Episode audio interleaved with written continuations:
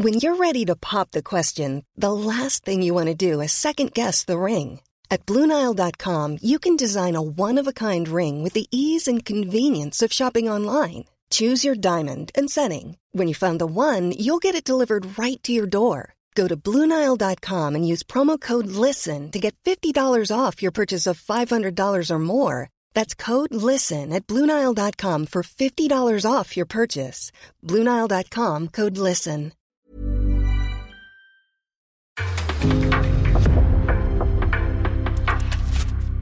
En podcast från Aftonbladet. Hallå där! En eh, fullspäckad vecka innebär ju ett fullmatat avsnitt. Det blir allt om toppmötet i damallsvenskan, känslorna, straffen och den taktiska skickligheten. Dessutom så diskuterar vi om Barcelonas dominans bäddar för en spansk EM-succé. Och så hälsar vi på Hanna Glas i München.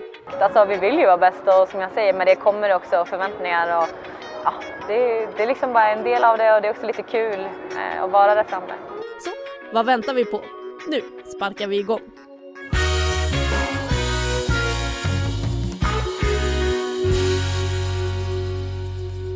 Ja men varmt välkomna till FAM plus en podd där vi snackar fotboll och den här veckan så har det ju varit svårt att hinna se allting. Det har varit matcher stup i kvarten, damallsvenskan har på Champions League in i semifinalspelet. I England ångar Chelsea och Arsenal på i titeljakten och Kosovare Asllani sköt Real Madrid till semifinal i kuppen. Ja, ni hör ju, det finns massor att prata om. Jag som heter Anna Rydén sitter på ett hotellrum i Barcelona. Med mig från Stockholm har jag min kollega Petra Thorén. Petra, hur är läget?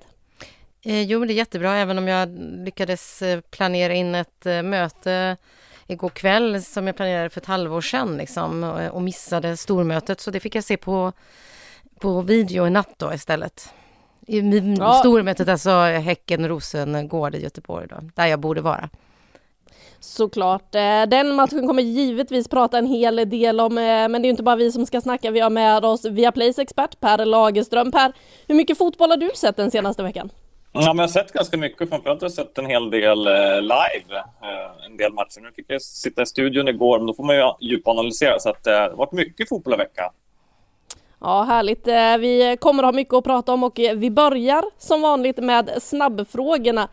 Och Per, du kan väl få börja då med vilket resultat är du mest överraskad över den senaste veckan? Nästan Djurgården vinner mot Eskilstuna 2-0. Det är Eskilstuna då som blandar och ger och Djurgårdens blytunga tre poäng. Vad säger du Petra, vilket resultat eh, överraskar dig den här veckan? Ja, men jag hade ju valt samma resultat så det blir lite tråkigt och vi får prata ihop oss bättre Per inför. Men, men det är klart att, eh, att Djurgården där klarar av att ta poäng och mot Eskilstuna var det som överraskade mig mest absolut. Det har varit en intensiv vecka, kanske framförallt då i damallsvenskan. Vilka har gjort det bäst, Petra?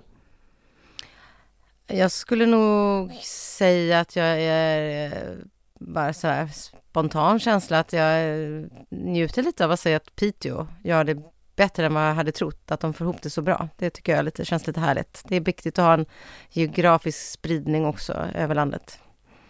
Vad säger du Per, vilka har gjort det bäst?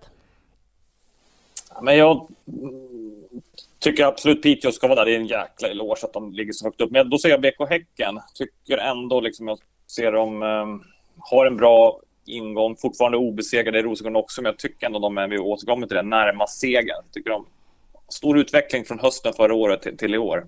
Så jag håller dem högt.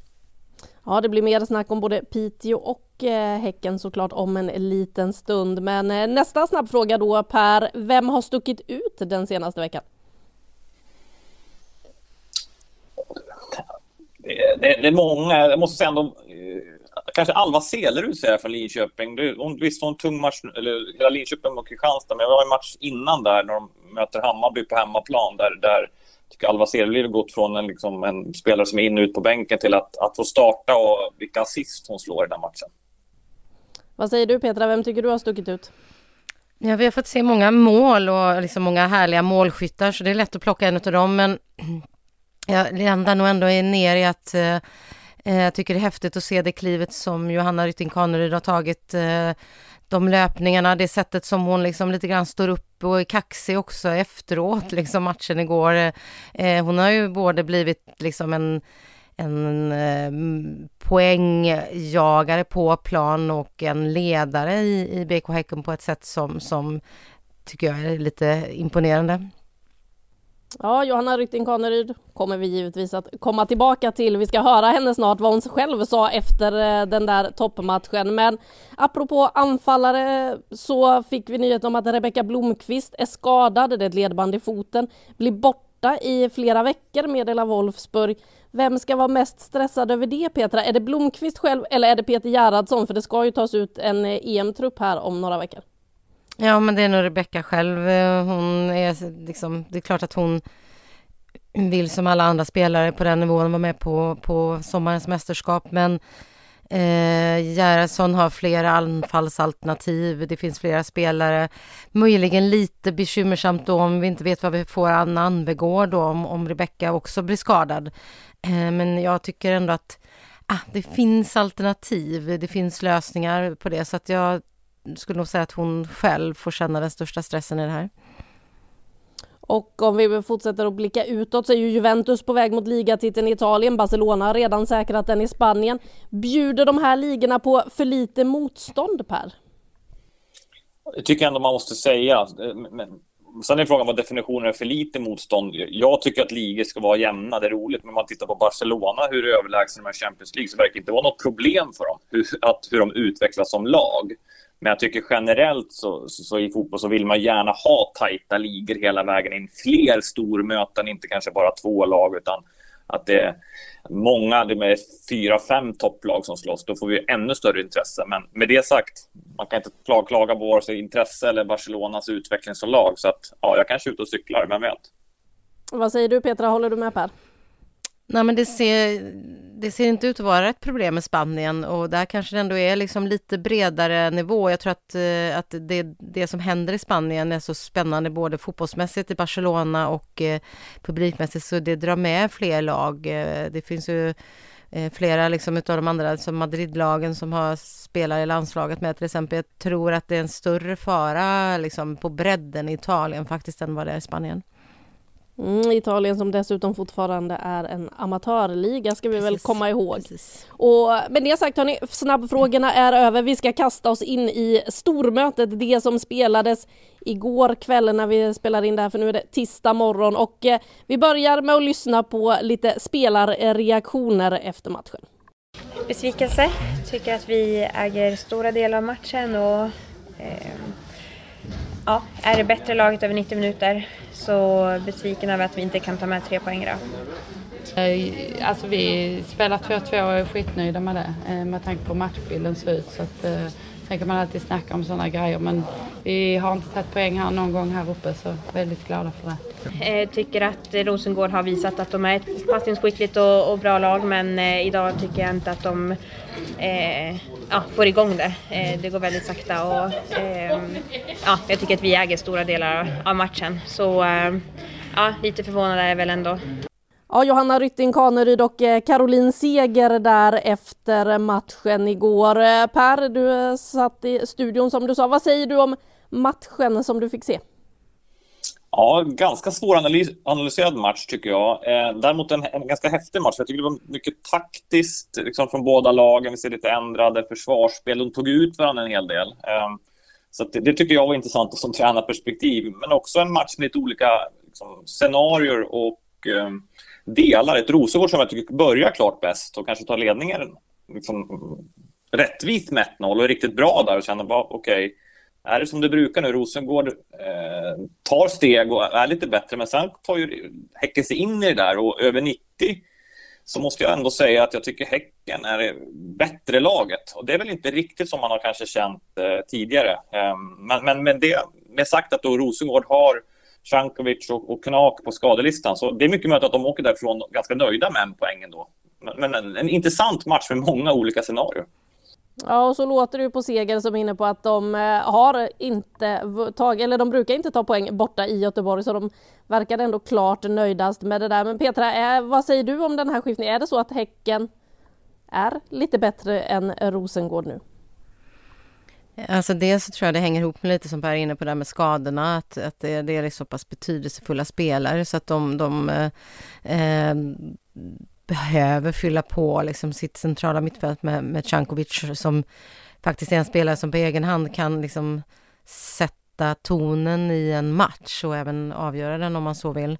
Eh, men men eh, jag har ju lyft det förut i den här podden och jag har skrivit om det och är liksom intresserad, ska jag kalla det, för det som Häcken gör eh, med sin satsning på, på det här intensiva intensiteten och, och snabbheten i aktionerna. Jag tycker man kan ana det lite grann, liksom, att när de får ett inkast, när de går framåt så är det lite, lite mer stuns liksom, i de första stegen. Och det är ju någonting som de strävar efter. Det har de sett internationellt när de har varit ute i Champions League, att det där behövs. Så det ska bli, tror jag, spännande att se över tid, men jag tror att det kommer kunna liksom, eh, löna sig för dem. Sen Sen har ju de med Robert Wilhelm en helt annan struktur i sitt spel. De, det, det, fanns ju inte förra året. Liksom. De vet hur de ska spela, de vet hur de ska agera, de vet hur de ska eh, justera om de behöver. Så att de är ju ett mer komplett och ett mer tydligt lag i år.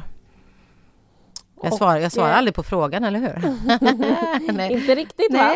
Nej, nej, så jag tror att, nej, men jag tror att de, är, de är, jag tror att de blir väldigt jämna båda de här lagen och jag tror att Rosengård har ett snäpp till att höja sig eh, faktiskt. Så att, eh, just nu kanske Häcken är lite, lite vassare. Ja, och vi ska diskutera mer om hur de här två lagen står sig eh, om en liten stund. Men det var ju en sekvens som blir väldigt avgörande.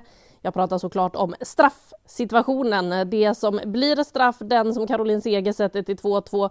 Innan ni ska få säga vad ni tycker om den här situationen så ska vi lyssna på vad spelarna själva säger om straffen. Nej, jag tycker att det, det inte är straff. Eh, vad jag har fattat det som så är förseelsen utanför också och det tar tid innan domaren blåser och det tycker jag tyder också på en osäkerhet så eh, Nej, jag tycker inte att det är straff helt enkelt. Har du kikat på den efteråt? Ja, jag har sett den efteråt och sett att förteelsen sker utanför straffområdet också. Det är, det är säkert att se? Eller? Från våran kameravinkel, ja. ja. Eh, nej, jag ser ju att hon blir fälld så antingen frispark eller straff. Jag vet inte om den är innanför så. Men det tar man ju alla dagar i veckan. En frispark men jag hade ingen tanke på att hon skulle blåsa straff överhuvudtaget där. Så att, eh, och det tar ju lite tid tills hon eh, blåser av. Ja, jag förstår inte riktigt vad som är. Jag väntar på att de ska blåsa frispark eller låta spelet fortsätta. Så att, eh, sen eh, pratar hon med linjedomaren Ja, och eh, lyssnar man på framförallt då Häckenspelarna så är de ju övertygade om att det här sker utanför. Marika Bergman Lundin säger att ja, det ska väl vara en frispark, men hon blir förvånad över att man dömer straff. Vad säger du Per?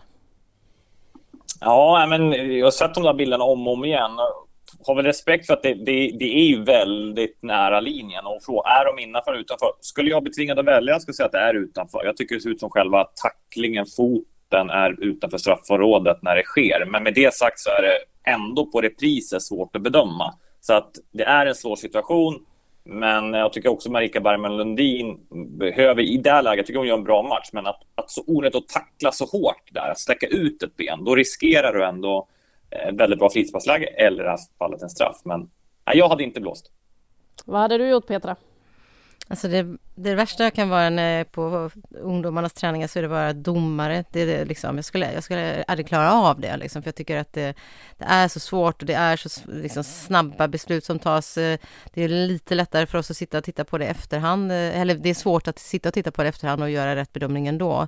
Eh, och jag tycker också att det är rätt omöjligt att se. Men jag, min känsla är också att det är lite, lite utanför. Men det räcker ju att det är på linjen så räknas det ju som straff. Så att, eh, ah, eh, jag hade nog inte blåst, men, men jag är som sagt inte domare. Hur eh, avgörande blev den här situationen då Per? Ja, men innan den situationen så tycker jag att Häcken har tagit över eh, matchbilden när de både får kvittera och göra 2-1 och det, det Petra var inne på där att de, jag tycker de sitter ihop väldigt bra i försvarsspelet. Det är ett ganska kompakt lag från egentligen hela vägen från målvakt till backlinje väldigt intensivt pressande. Det är inget riktigt skönspel i, i någon av liksom, lagen. De, Rosengård försvarar sig väl och tycker jag har läst Häckens anfallsspel ganska bra. Men de har, jag tycker de växer in i matchen, de har ganska full kontroll. Det är inte så mycket där som, som tyder på att Rosengård ska... Det är inte så att de får tryck på Häcken och ta sig in i matchen.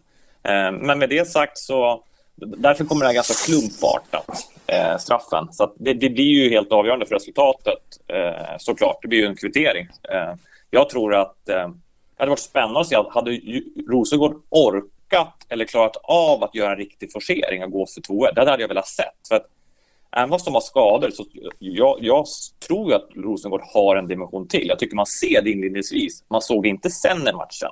Beror det på fysiskt? Beror det på Häckens försvarsspel? Jag hade velat sett forceringen. Nu behöver de inte göra det. Utan jag tycker de gör, slår straffen. Sen känns det som Rosengård är ganska nöjda med den poängen. Ja, och det tycker ju Häcken också, för rubrikerna efter handlade ju också om eh, vad som skedde sen, eller vad som inte skedde. Nämligen eh, så hävdar man från Häckens håll att det maskas en hel del, det blev mycket känslor. Vi ska ta och lyssna på vad eh, spelarna sa efter matchen, framförallt då kanske Johanna Rytting Kaneryd och Caroline Seger än en gång. Det är tydligt att eh, hon får instruktioner från bänken vad hon ska göra och eh, eh, jag tycker att det är ja, rent av maskning och tycker inte att det hör, hör hemma i fotbollen så eh, jag blir frustrerad över att eh, ja, man blir påverkad så av vad bänken säger. Bea är 17 år så jag tror inte att hon vet ens hur man gör. Eh, Bea hade också sprungit otroligt mycket i den matchen så eh, ehm, jag tror inte att, eller jag vet att det var inte på något sätt så att hon har någon aning utan hon hade en känning hon också. Ja, Petra Seger inne där på att Bea Sprung är 17 år, hon vet knappt ens hur man maskar. Vad säger du om eh, scenerna som utspelade sig i matchens slutskede? Ja, jag tycker att det är. Jag kan tycka att det är kanske inte tillhör ett sånt här stormöte men, men känslorna tillhör ett sånt här stormöte så kan det ju liksom yttra sig på olika sätt. Och det är klart att är det så att det kommer en instruktion från, från sidan ut att hon ska maskas så, så så är ju det eh, liksom inte sportsligt och, och, det är ju inte någonting som man, som man vill uppmuntra på något sätt. Eh, samtidigt så är det väl en del av spelet. Jag tycker att det är upp till domaren också att sköta tempot i matchen. Eh, att, att det sedan blir lite hetsigt, eh, kan jag tycka bara är liksom rätt eh, skönt att se att det, liksom, det betyder någonting för dem. Det betyder, det betyder otroligt mycket och det är vinnarskallar och det får väl vara lite hetsigt på plan då. Så får liksom eh, domarteamet också se till att det blir, att det blir ett bra tempo, att inte matchen rycks sönder sådär. Så att eh, det var lite, jag menar Johanna Rytting Kaneryd var det väl som sa det där att hon hade hört instruktioner. Men jag hoppas ju verkligen att eh, att liksom man kan få fram det i så fall, för det är en, en rätt tuff anklagelse ändå. Det är det. Och Per, hur upplevde du de här sista, den sista delen av matchen när då Häcken är inne på att det är maskning, det tänder till lite, det knuffas, det puttas, det är bilder på en eh, skogstokig Caroline Seger får man väl ändå säga när hon zoomas in där i diskussionerna med eh, Marika Bergman Lundin. Ja, men dels så jag tycker att det äntligen tycker jag. Det, det ska behöva vara så här mycket känslor. Det ska vara betydelsefullt och det, liksom, det mentala spelet är också en match i match. Det där gillar jag på något sätt. Jag gillar inte maskning, men jag gillar att det blir mycket känslor. Och eh, jag kan ta ett perspektiv till. Jag, tror, jag tycker det ser ut som Bea Sprung får någon form av instruktion, men, men man, man tar tillbaka så en, en spelare som har spelat fem, tio år idag, de hade legat kvar ändå. Så om det är maskning att de lägger sig igen, hon, hon har ju en skadekänning, så det är inget snack om det. Att hon ska hoppa upp så att Ja, det, det, det, hon borde ha legat från början. Hon borde bli tillsagd. Hon är för snäll och kliver upp. Så, så, så ser jag det. Sen är ju Seger lite sur även de, är på Mimmi Larsson också och tycker att hon är skadad. Eh, och det, det, det, tror jag är mer tveksam till. Men det intressanta i sig är ju faktiskt... Okej, okay, Häcken anklagar Rosengård för maskning. Det står 2-2. Är det den är det så att dels tror jag Häcken känner så här, okej, okay, nu har Rosengård några spelare borta, vi är i form, vi vill vinna matchen. Det är en spännande signal. Och att Rosengård eh, liksom också, de, de kommer inte erkänna det här, Caroline Seger är ju smart, hon, hon vill inte liksom, ge det här, men jag tycker ändå att man ser att de är nöjda med 2-2 och det är ändå, tycker jag, ganska anmärkningsvärt med, med tanke på vad, vad Rosengård är för lag, det är mästarinnor. Kanske att det är just nu man väntar in ett par spelare till. Man vet att det finns sparkapital. När de kommer, då ska man slå... De flesta lagen så ska man slå Häcken hemma. Det tror jag är deras plan. Ja, och det här är ju ett intressant möte på så sätt att det här är två lag eh, som är fyllda med landslagsspelare. De håller en klass för sig. Det är de två lagen vi pratar om hela tiden när vi pratar om vilka som ska ta hem SM-guldet. Eh, Petra, vilka tycker du övertygade mest? Hur liksom syns det när de möts i den här typen av matcher? För de möter ju ett motstånd som de inte möter i övriga matcher. Ja, det tyckte jag man såg. Eh, eh delvis var det väl liksom på Rosengård eh, för första målet var det va, där det liksom, de inte får bort bollen, att det, att det är sådana det är kanske situationer som de inte är riktigt vana vid och, och, där måste man höja sig ett snäpp när man, när man ställs mot det här motståndet och sedan också när man ställs mot internationellt motstånd.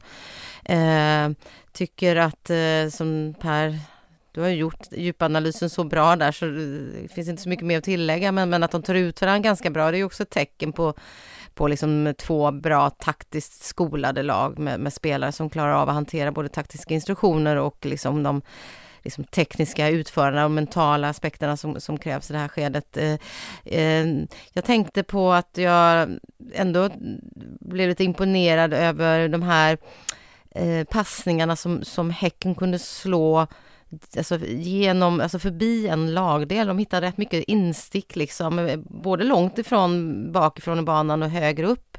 Och det var passningar som inte såg hos Rosengård och att det, det är någonting som är lite intressant att de vågar liksom hitta den passningen förbi liksom. Om man väggar på tredje spelare eller om man sätter ett, eh, ett inspel liksom ganska mycket i djupet rakt fram och hittar, hittar fram med den. Det kunde inte liksom Rosengård försvara sig mot. Det var, det var någonting som, som skilde oss. Att, och med det sagt då så kändes det som att, att Häcken just nu har lite fler liksom redskap i, i verktygslådan. Men vi vet ju att eh, får, får Rosengård tillbaka till Cankovic så har de ju en hel, en, en hel palett till att plocka från.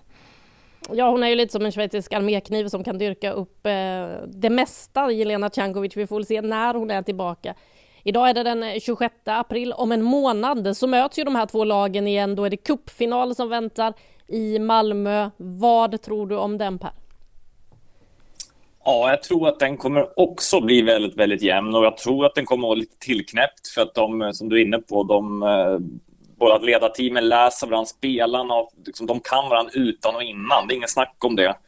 Eh, jag tror att kanske Rosengård har eh, fler ordinarie spelare innan. Vi får se vad det gör. Jag, jag tänker så här, jag tycker nästan... Nu är Pauline Hammarlund eh, på väg tillbaka. Det ska bli väldigt spännande att få en dimension till som forward. Elin Rubensson har inte heller varit med.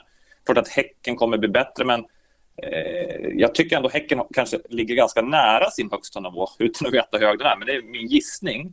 Medan alltså, Rosengård tycker jag har potential till att växa. Det är lite grann upp till dem. En sån spelare som Olivia Skog som jag tycker var briljant förra året. Där finns det sparkapital. och Vi pratar om även de som finns på plan. Hon behöver vara med och konkurrera och visa att hon ska vara med i en EM-trupp. Så att frågan har, kan Rosengård växla upp till full potential? Vart, vart är de på väg? Häckens spelare, många yngre rykten, hon är nog på väg ut i Europa.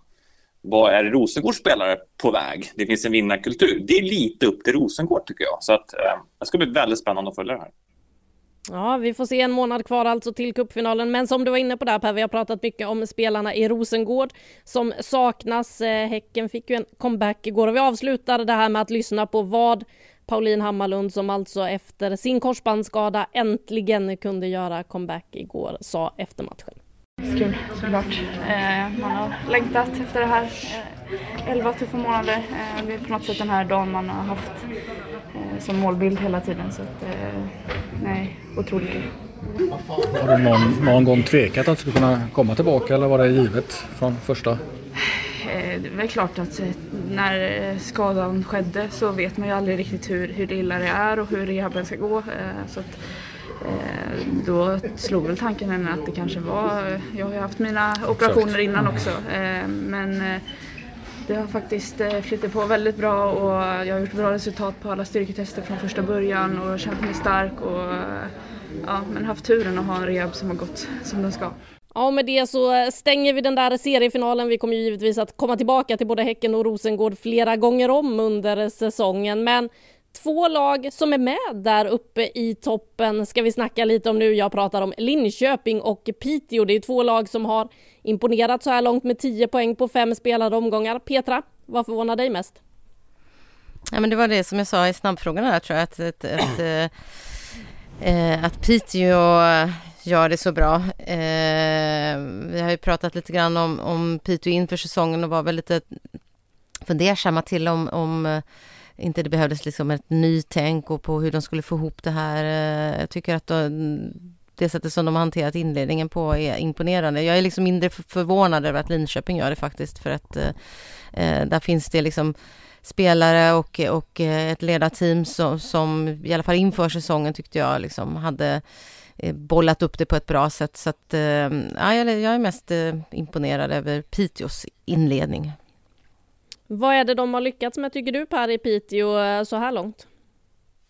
Och framförallt tycker jag att det är kontinuiteten. De, de börjat eh, liksom ett arbete förra året. Jag vet, pratade med Stellan Karlsson inför säsongen att de ville flytta upp sitt försvarsspel lite mer, vara ännu mer aggressivare, börja hitta ett anfallsspel som, som både det direkta, alltså det vi känner att Piteå, sätta sina forwards spel och rakt, men att även kunna jobba med ett mer etablerat anfallsspel. Och en stor skillnad för mig det är Fanny Andersson som, som de värvade sent i förra säsongen. Det, jag tycker hon får lite för lite cred. Det är en oerhört skicklig mittfältare. Väldigt kreativ, väldigt delaktig i spelet. Det gör att Piteå kan spela ett annat spel. Visst, hon var där på hösten och då kommer ett lag med, med egentligen inget självförtroende. Resultat påverkar prestationen vill jag säga. Så att vi såg inte hennes potential. Nu får vi se henne. Så offensivt är hon väldigt betydelsefull. Det ger en dimension till. Defensivt så tror jag kontinuiteten, jag tycker de är väldigt taktiskt skolade. De sitter, liksom, laget jobbar ihop i försvarsspelet, otroligt svårt att passera. De har alltid haft Faith Ekidi och nu Ellen Löfqvist längst bak som vinner dueller, men de börjar sitt försvarsspel redan hela vägen med forwards. Så att, att forwards liksom, positionsspel i försvarsspelet, eh, där börjar starten. Så att, nej, det är försvar och anfall i fotboll och det, det har de fixat till, båda delarna. Och apropå självförtroende där Petra, hur mycket tror du det kan betyda för ett lag som Piteå att man faktiskt fick börja den här säsongen med att ösa in mål? De hade ju problem med målskyttet i fjol men fick eh, en riktig islossning redan i premiären mot Djurgården och det var ju dessutom en hel del snygga mål från Piteås del i den matchen. Jo, men sånt där med eh, att, att göra mål, det är det som i sig så lätt och man kan höra tränare som säger att bara man kommer till chanserna så, så är det liksom ingen fara, då lossnar det så, små, så småningom. Men, men det är klart att det är en liten så is, isbrytare, liksom att man, att man sätter sina chanser, man får med sig det självförtroendet, man vet att man kan kan både skapa chanser och göra mål eh, på sina chanser. Det, det ger ett, eh, ett bra liksom, drag i, i laget. Och då vet man också att eh, vinner man boll högt och liksom kommer till omställningslägen till exempel så, så har man, eh, får man utdelning på, på de lägena som, som blir. Så att det tror jag betyder mycket. Per, du var ju inne på Alva Selerud här eh, lite tidigare och ser Linköping som ett av stor, årets stora utropstecken så här långt. Eh, vad är det Linköping lyckas med i år skulle du säga? Ja, alltså, framförallt i spelet som utrops, alltså delarna i spelet. Nu, nu kommer de från en tuff, de, en tuff match här och Kristianstad på bortaplan. Det, är, liksom, det är inte enkelt och Kristianstad tycker jag studsar tillbaka starkt mot Häckenförlusten. Så att, all respekt till Kristianstad här. Men om man liksom, det, det jag verkligen har sett i Linköping det tycker jag ett försvarsspel, ett markeringsförsvar där de spelar väldigt högt upp, där man ser hur de som samtliga spelare nästan markerar och, och, och pressar otroligt intensivt. Uh, framförallt matchen innan mot Hammarby, men även egentligen varenda omgång lyckas de med det. Um, och det tycker jag är, är häftigt. för det, det, är inte bara så att du ska ta den närmsta spelaren och springa Det, är, det kräver väldigt mycket taktisk förståelse för spelarna. Även du behöver täcka ytor samtidigt som du pressar. Och de har fått ihop det på ett imponerande sätt. Och det tycker jag är ett spel som jag, som jag tror kan hota även topplagen om de spelar den, alltså pratar om Häcken-Rosengård. Jag tror de kommer bli störda av det här försvarsspelet. Så det är jag imponerad över. Den andra delen är ju liksom den tekniska och, och, och kvaliteten i, i anfallsspelet. Eh, förutom att de har wingbacks på båda hållen i Selerud och Lennart som gör att de alltid har hot på kanterna så har de ett, ett mittfält med framförallt Momiki och Takarada, de två japanska fantastiska innermittfältarna. De, hon Takarada kan spela back också, men de är så spelskickliga, de, de rör sig så spännande så att de kan, förutom att de inte attackerar på kanterna, så har de sina genomskärare. Och där har de också då, som pricken över i, lyckats utveckla unga spelare till en nivå till. Och det tror jag är ett cred till, till tränarteamet. Jag tänker på Cornelia Capox och eh, Vangsgård. Vangsgård har satt upp som forward, sylvass i öppningarna och Cornelia Capox assist, mål, gillar att tror jag spela de två japanska innermittfältarna. Så det gör ju då att jag tycker att deras spets, de kommer kunna göra mål mot alla lag, de kommer kunna vinna bollen mot alla lag i försvarsspelet. Sen då, ska de konkurrera hela vägen upp, ja, då, kan man, då får man inte förlora borta mot, mot Kristianstad såklart. Men eh, de, delar i spelet tycker jag håller väldigt hög potential. Ja, nu är vi ju fem omgångar in i eh, årets serie. Kommer de här lagen att hålla i längden då, Petra? Vad tror du?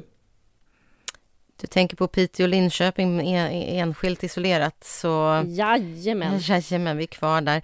Eh, Eh, ja, men jag tror att det liksom ändå finns både bredd eh, och kunskap i de här trupperna för att hålla i längden, men, men eh, jag tror ändå inte att det är liksom något av lagen som, som slåss om SM-guldet i höst, utan det är väl tredjeplatsen och fjärdeplatsen där kring eh, skulle jag nog säga. Sen är det ju alltid sådär, eh, vad får de, vad, hur mycket skador åker de på, hur, hur, ser, hur ser det ut liksom i höst? Eh, när det börjar liksom bli kämpigt på och kallare ute och, och liksom eh, serielunken har tagit ut sitt liksom. Eh, ha, ha, ha, hur, hur hanterar man om det kommer en svacka till exempel? Det, det finns mycket Alltså serien är lång, det finns många, många utmaningar så att eh, det, det, finns ju en risk att, tror jag, utav de här två lagen, kanske framförallt att Piteå eh, kan dippa då, eh, även om de kan luta sig mot att de är på en resa tillsammans, på en ny resa tillsammans med, med det som Per var inne på, så, så är det väl Piteå som jag möjligen ser som, som den som kommer ha det svårast att hålla i längden.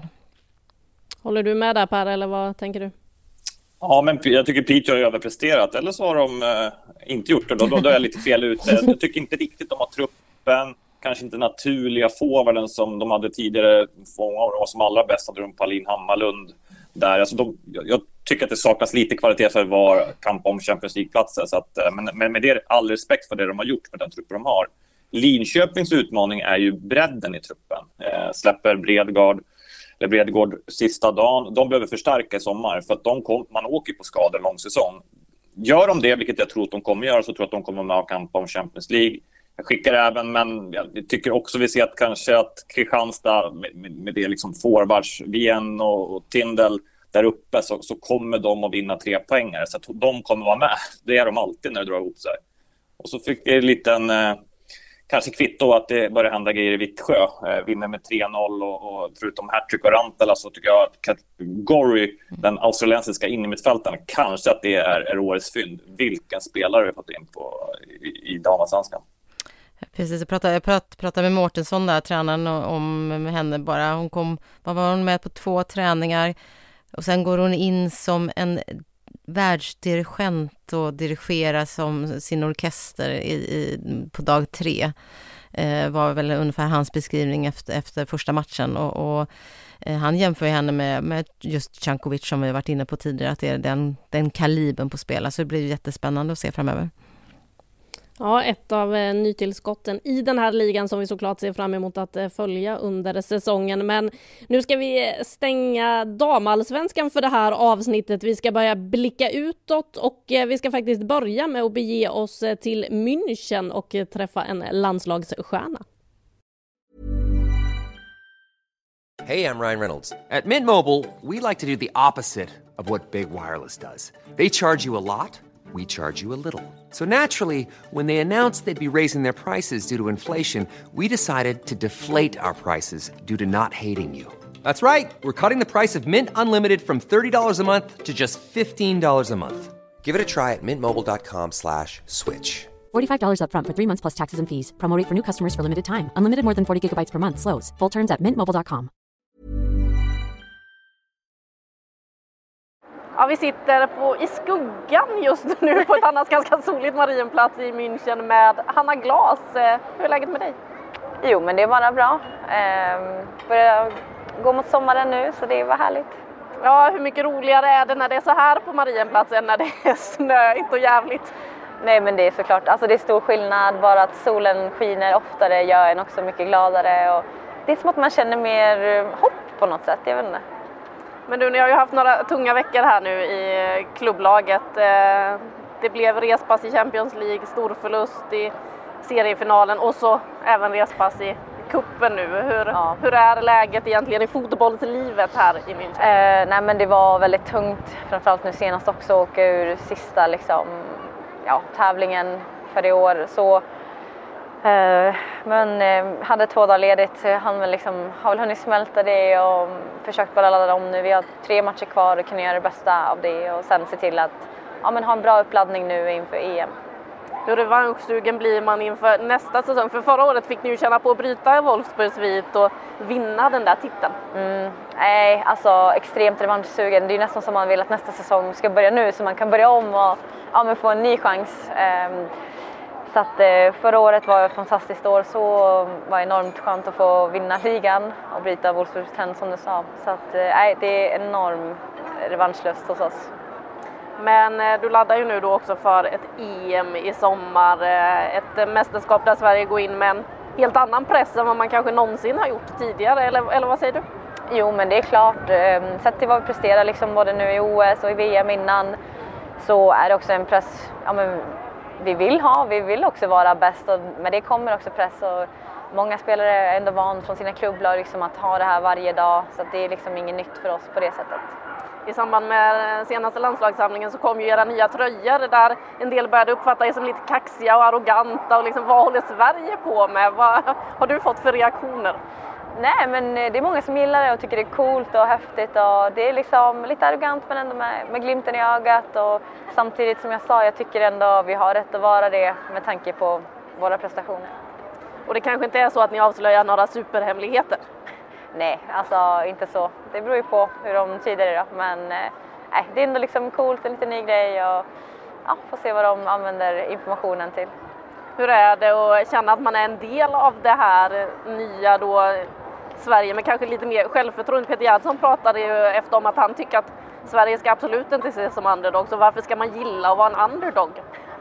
Ja men exakt, alltså vi vill ju vara bäst och som jag säger, med det kommer också förväntningar och ja, det, det är liksom bara en del av det och det är också lite kul eh, att vara där framme.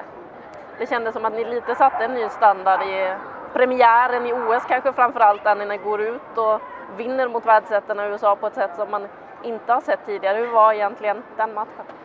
Nej men eh, det var väl en av de bästa matcherna jag har spelat.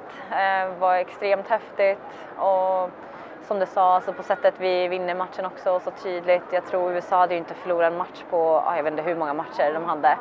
Eh, det var enormt häftigt och nej, det är en match jag aldrig kommer glömma. Så hur går snacket i laget nu då inför ett EM? Nej men det är klart vi också har höga förväntningar på oss själva och mycket nu är liksom vad vi kan förbättra och jobba på nu och som kommer bli viktigt inför Utskällda blir vi också här. Ja. Eh, ja, hundarna är ute och går med. Men eh, om man tänker till VM-kvalet som ju precis är avslutat. Ni har fått er biljett till eh, VM-slutspelet i Nya Zeeland och Australien. Men det har ju pratats mycket om effektiviteten framåt. Är det det ni måste slipa på till EM eller vad, vad pratar ni om? Ja, men en del av det och kanske framförallt liksom mot lägre stående försvar, hur vi ska kunna hitta fler lösningar och bättre lösningar än eh, vi har gjort hittills. Och eh, hur mycket sådana detaljer tror du att ni hinner slipa på? Ni har ju en vecka eller så i Båstad innan eh, det bär av till EM och England. Jo, men det kommer ändå göra mycket och mm, det kommer inte vara någon match ändå. Det är liksom inte förrän 28 där så att det är ändå gott om tid tycker jag och framförallt hinner vi prata om det och diskutera och ja, men kolla på klipp och sådär. Så det ska nog räcka tror jag. Ni får ju en eh, tuff start på EM då får man väl säga. Lite av en måste-match för vinner ni gruppen, ja då blir det en lättare väg sen. Eh, kommer ni tvåa i gruppen då kan ni stöta på Frankrike redan i en kvartsfinal. Ni har Nederländerna i premiären. Hur tänker du på den uppgiften? Men det är kul, det är lite samma som i OS. Det var pang på bara direkt från början så man är inne i det. Och det ska bli fantastiskt kul att få möta de regerande, alltså Europamästarinnorna. Så att, eh, jag tror det bara blir jättebra att, att köra på direkt. Har ni också lite revansch att kräva från ett eh, VM i Frankrike. Ja, det är fortfarande lite bittert där från semin, så jag hoppas vi kan få vår revansch nu i EM. Vad, vilka lag skulle du säga är favoriterna i det här mästerskapet? Om du inte ska säga då Sverige, vilka kan utmana? Ja, men jag ser väl framförallt alltså Frankrike som en extremt liksom, tuff utmanare och även England som har hemmaplan. Det såg vi bara herrarna liksom hur mycket det hjälpte. Och eh, sen Spanien tror jag också blir svåra.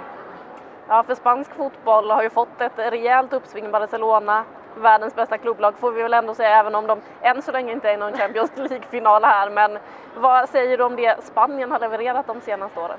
Uh, nej, men det har ändå varit väldigt bra, en utveckling. Sen eh, tycker jag inte Spanien heller är att likställa med Barcelona. Jag tycker ändå de internationella spelarna just i Barcelona är det som gör också en ganska stor skillnad. Men de är helt klart på uppgång och ja, har enorm kvalitet tycker jag ändå. de som har följt eh, damfotbollen under 2000-talet kanske reagerar på att du inte nämner landet vi sitter i, Tyskland. Varför nämnde du inte Tyskland bland favoriterna? Nej, men jag tycker även när vi mötte dem under VM och jag har ändå sett liksom nu många landskamper med mina kompisar och sådär och jag är inte helt övertygad. De har, har många duktiga spelare men jag tycker inte heller de fått ihop det som lag och framförallt kanske just i ja, backlinjen att eh, det har varit så många olika skiftningar, så många, liksom ingen stabilitet och jag tror att det kan vara en, en detalj som gör att det inte riktigt lyckas. Tycker du att det är roligare att åka till landslagssamlingen än dina tyska landslagskompisar? Ja, men det tror jag nog. Vad tror du vi kan vänta oss av ett sånt lag som Tyskland? För man är ju van vid att de liksom kliver in som en maskin i ett mästerskap, men det började gå lite grus i det där med när ni slår ut dem i kvartsfinal och de missade OS. Och, ja, vad kan vi vänta oss? Nej, men det, det är såklart fortfarande extremt skickliga spelare de har och man ska ändå liksom aldrig räkna bort dem helt för som du säger, de har en enorm mentalitet och fortfarande extremt bra och hög kvalitet på många spelare så att eh, vi ska absolut inte räkna bort dem. Det tycker jag inte. Och eh, vi har ju sett nu under våren här kanske framförallt hur arenorna har fyllts upp, eh, framförallt i Champions League. Det kommer mer och mer publik på dammatcherna. Finalen på Wembley, slutsåld. Hur gärna vill du kliva in där inför ett slutsålt Wembley, en EM-final? Nej men alltså shit, det hade ju varit hur häftigt som helst så fort man hörde att det var slutsålt så kände man bara, gud vi, nu tar vi oss till final, det hade varit så kul. Och, nej, det är så kul att se att liksom, det finns så stort intresse och jag tror att det kommer bli en häftig känsla och jag hoppas att vi också får vara där och uppleva den. Det har ju diskuterats också en del om det här att alla arenor faktiskt inte är så himla stora under EM, att eh, det finns de som bara tar 8 och 13 000, bland annat en av dem ni ska spela på då. Vad, vad tänker du kring att man har de små arenorna? Svårt att säga då, vi får väl se liksom hur det blir med, med, publik och sånt på dem men det är klart man hade önskat att det kanske var lite större liksom möjlighet till att ta in mer folk eh, sett till det intresse vi har sett alltså senaste året nu bara i damfotboll. Och om det är som så att man säljer slut, tycker du att Uefa borde flytta det till större arenor, åtminstone de här som är på kanske de allra minsta arenorna? Ja, men jag tycker absolut man borde ha det i baktanke om det är möjligt att man i och för sig alltså, skulle kunna göra det i så fall. För att jag menar, finns det den efterfrågan så ja, jag tycker då är det i så fall en för liten arena. Kosovare Asllani var inne på att hon tycker att Friends måste öppnas upp eh, för er damer oftare. Nu är ju nästa match för er del på Friends Arena mot Brasilien. Håller du med? Borde ni få spela där oftare? Ja, men det hade också varit kul liksom, eh, så att eh, göra det tillgängligt för mer kanske folk lite mer norrut i landet, framförallt jag som är från Sundsvall. Liksom.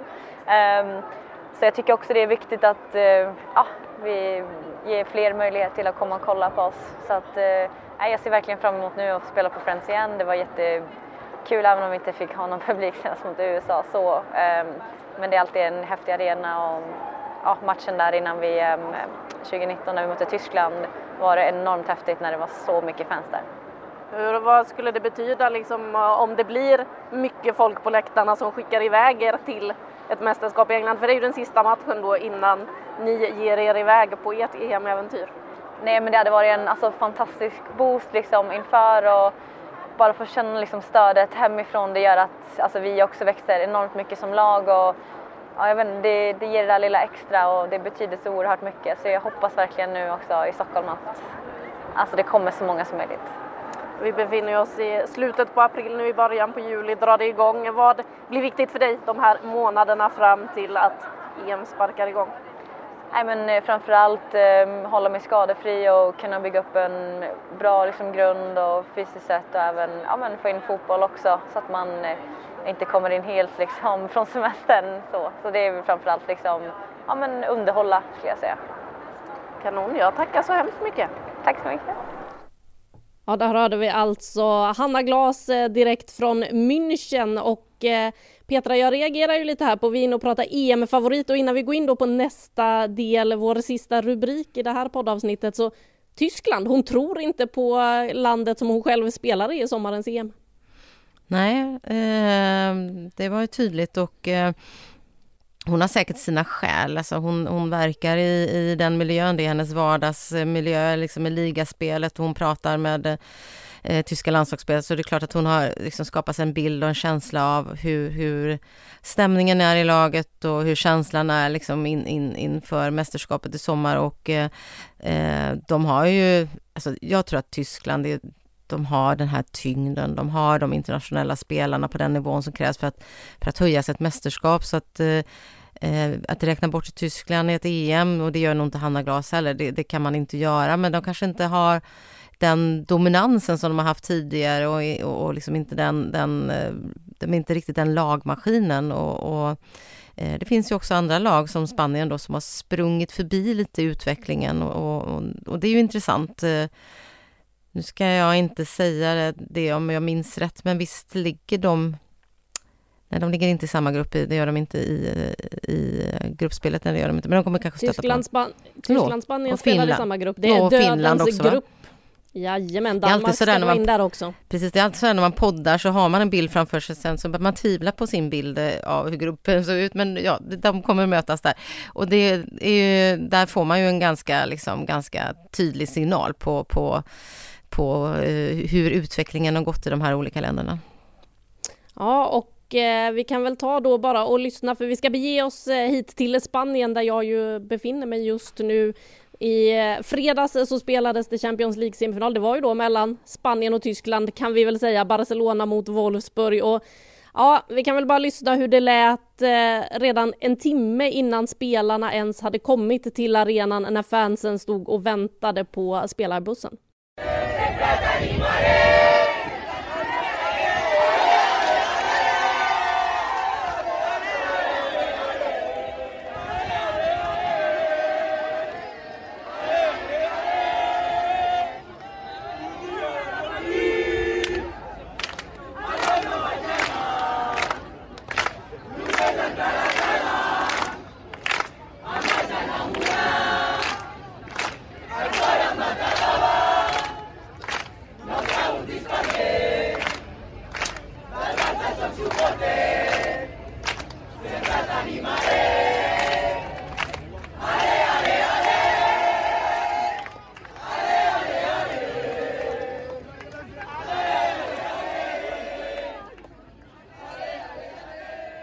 Ja, försökte få publiken att sjunga Rolfö-ramsan också. Eh, det gick lite sisådär, men eh, Fridolina Rolfö är ju en av våra svenska spelare. Rebecka Blomqvist i Wolfsburg fick ju också uppleva det här som vi var inne på tidigare. Skadade sig ju tyvärr, eh, men vi har ju pratat om det här med publiken tidigare och vad Barcelona gör. De slår alltså ett nytt världsrekord igen, 91 648 om jag minns rätt Eh, som var på plats på Camp Nou och eh, det var ju stämning hela matchen igenom. Men om vi ska diskutera spelet då, för Barcelona rivstartar ju i den här semifinalen fullkomligt pulveriserar Wolfsburg. Vad säger du om det som Barca visade upp Per? Eh, det, det, är otroligt. Alltså, man tänker att de gjorde någon Champions League-final mot, mot, mot Chelsea liksom. och nu möter de Wolfsburg. Det är inte ett liksom inte ett Wolfsburg som är knackigt, ett Wolfsburg som slår Bayern München med 6-0 i en match för inte så länge sedan. Det är ett, det är ett väldigt, väldigt bra Wolfsburg med, som har gjort en kanonsäsong. Så man tänker nu kanske det blir jämnt här. Och att gå in liksom, och ta ledningen med bara 1-0, 2-0, 3-0, 4-0 och sätta 5-1 på tavlan i en Champions League-semifinal. Det är oerhört imponerande. Och det var ingen snack om det heller. Sen var det klart att Wolfsburg kom inte upp på nivå, men det kan man snacka om. Klart man måste komma upp till nivån i Champions League. de har inte en svag punkt som jag ser det idag, Barcelona. Vem ska hota dem när det ser ut så här? Jag, jag, jag är ruskigt imponerad måste jag säga. Nej, det känns ju verkligen inte som att det är några som kan hota det här Barcelona. Petra, du var ju på plats på Champions League-finalen i fjol eh, där ju Barcelona då körde över Chelsea. Tror du att det finns någonting som kan stoppa dem från att försvara den där Champions League-titeln? Nej, men jag var ju chockad dagen före, eh, dagen, dagen före match. När jag satt på träningen, ni vet de här så här matchförberedande träningarna brukar vara lite sådär, ja men det är lite snabba fötter, det får igång benen, det känner på mattan, det är lite intensivt men ganska små ytor och sådär. Och där kommer Barcelona och eh, har en sån hög intensitet så jag tänkte gud nu kommer spelarnas muskelfibrer ryka här dagen för match liksom. Det var sånt tryck i alla aktioner. Eh, och sen bara de öste på, på, på liksom match, i matchen då, i finalen dagen efter på samma, på samma sätt. Så jag skulle säga att det, alltså Barcelona har kommit in med en tempoökning i damfotbollen som, som tar den till en ny dimension.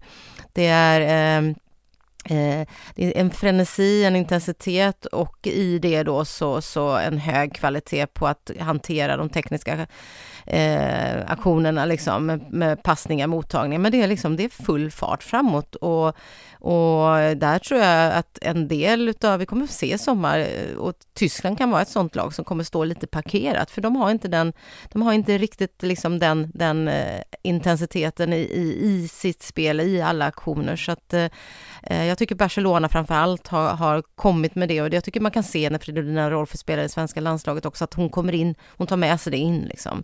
Det går fortare, det är liksom snabbare beslut, det är snabbare aktioner i, i allting och det är jättespännande att se hur många lag som, som klarar av att haka på det. Men om vi ska blicka framåt då mot ett EM, för nu är det ju många som börjar prata om Spanien som en potentiell outsider, mycket tack vare Barcelonas succé och den här farten de sätter i spelet. Men är det verkligen så? Kommer Barcelonas dominans bädda för en spansk EM-succé? Vad tror du Per? Ja, jag tror, det har ju sagt många gånger förut, men, men nu är dominansen en nivå till. Det är ingen snack om det, de vinner Champions League förra året. Så, så att ja, svaret, svaret är det. Jag tror att eh, jag håller Spanien som eh, en av guldfavoriterna, absolut, liksom, med Putellas och eh, det, det, är så många spelare. De har både försvarsspelare, de har mittfältare, de har det är väl liksom att verkligen få någon, någon skyttedrottning. Eh, vem ska göra alla mål? Eh, eh Hermoso, är, är hon redo att vinna skytteligan i EM eller behövs det någon annan? Eh, Putellas kommer göra en hel del mål själv. Så det gör jag. Jag tror däremot att det, det, som jag tycker är positivt är att Sverige, jag tycker det blir väldigt intressant med det svenska försvarsspelet som har varit imponerande. Både i OS senare. Så att det, jag tror ändå Spanien kan passa oss ganska bra om man får, får, får lägga in den aspekten i det här. Så att eh, Sverige är också guldfavorit då. Vad tror du om det Petra? En eh, EM-final på ett fullsatt Wembley, Sverige-Spanien? Ja, det hade varit sjukt. Eh, både roligt och häftigt och, och, intressant att se. Och jag tror att VM-kvalet har Spanien gjort 45 mål hittills. Eh, släppt in noll, har jag för mig. Eh, så det är klart att de, det, det, kommer ju vara full, fullt ös från början och, och Sverige har ju en, ett väldigt stabilt försvarsspel så att eh, eh det hade vi mycket väl kunnat stå emot. Det som kanske är en utmaning för Spanien det är ju liksom det här med mästerskapsrutin som kan låta lite flummigt men som ändå är en viktig aspekt Eh, hur du ska hantera en längre period eh, eh, med hela det liksom stabstänket som är bredvid och spelarnas mindset att, att klara, liksom att leverera på den här nivån över, över flera veckor och att växa som lag. Det är väl där någonstans som jag ser den stora utmaningen för, för Spanien då. Vad tänker du om det Per? Hur viktigt är det där med mästerskapsrutin? Jag tycker det är en jätteintressant reflektion. För det är ju det är ju ett helt annan sak att spela landslag och spela ett mästerskap med allt vad det innebär. Med, med, med allt från förberedelse till att vara egentligen isolerad. Du är i en bubbla, även fast det inte är covid nu, så du är ändå i en bubbla. Det är många veckor i rad. Eh, det är ibland är det tajt matcher, sen kan det efter slutspel vara lite längre. Du ska, det är ganska stor konkurrens här bland de här spelarna också, vilka spelar. Så att där har ju, det är ju Sverige, eh, liksom, vill jag påstå, det har man jobbat med väldigt länge. Tittat på sånt som Marika Domanski först den erfarenheten hon har, så många mästerskap. Hon har både varit tränare själv, eh, jag vet också hur väl Sverige förbereder sig, det tror jag i och för sig Spanien också gör, för de tittar väl hur, hur herrarna har gjort. Men laget som sådant har inte gått hela vägen och inte var, gjort alla matcher. Och liksom, vad måste man tänka med flytt? Eh, vad spelas av både plan A, B och C om det är kvartsfinal, semifinal för att optimera det. Så jag tycker, att, tycker det är en viktig aspekt som Peter lyfter fram. Ja, vi får väl se. Det är fortfarande några veckor kvar till eh, det att eh, vi ska in i sommarens stora höjdpunkt. Början på juli sparkar ju EM igång. Vi kommer prata massor om det veckorna fram tills dess. Såklart, eh, den här podden börjar närma sig sitt slut, men vi ska såklart dela ut fem plus också och Petra, du har fått äran att dela ut de fem plussen den här veckan. Vad får fem plus?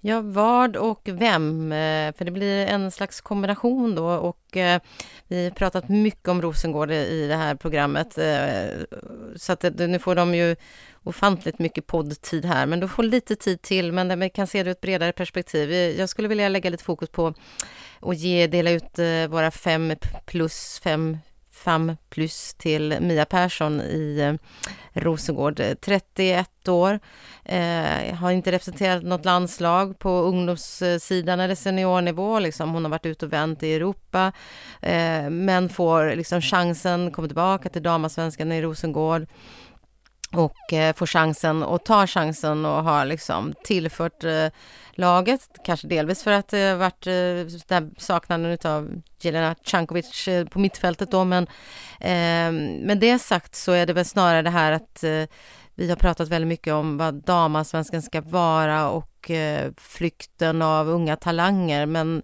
här finns ju någonting annat också. Det kanske finns äldre spelare som som är ute några år i Europa, skaffar sig, eh, skaffar sig den rutinen och kommer hem och, och ger damansvenskan ett lyft. Vi pratar om hemvändarna, det behöver inte vara de landslagsspelarna som, som har liksom dragit på sig den gula tröjan i många, många år. Jag ser en, eh, en potentiell eh, nivå av andra spelare som, som kan tillföra damansvenskan och ge den ett lyft så som, så som de här liksom, riktigt etablerade spelarna gör när de kommer hem.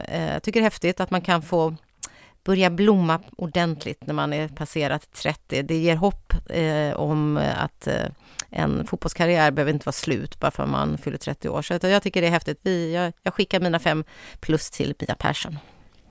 Och det kan bli en härlig huvudvärk där för René Slegas när väl eh, Cankovic kommer tillbaka också. Hon ska få plats med alla på mittfältet, eh, eller vad säger du Per?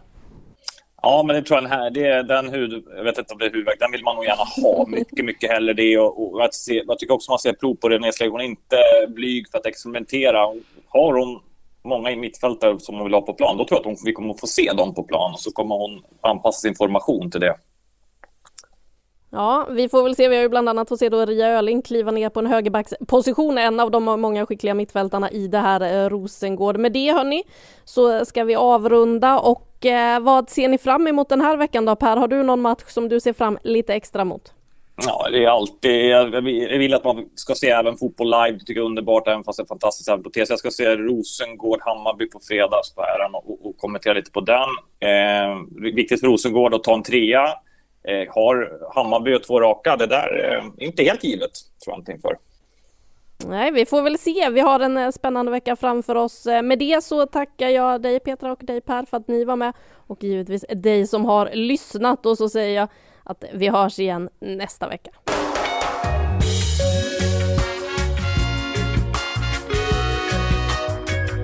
Du har lyssnat på en podcast från Aftonbladet Ansvarig utgivare är Lena K Samuelsson.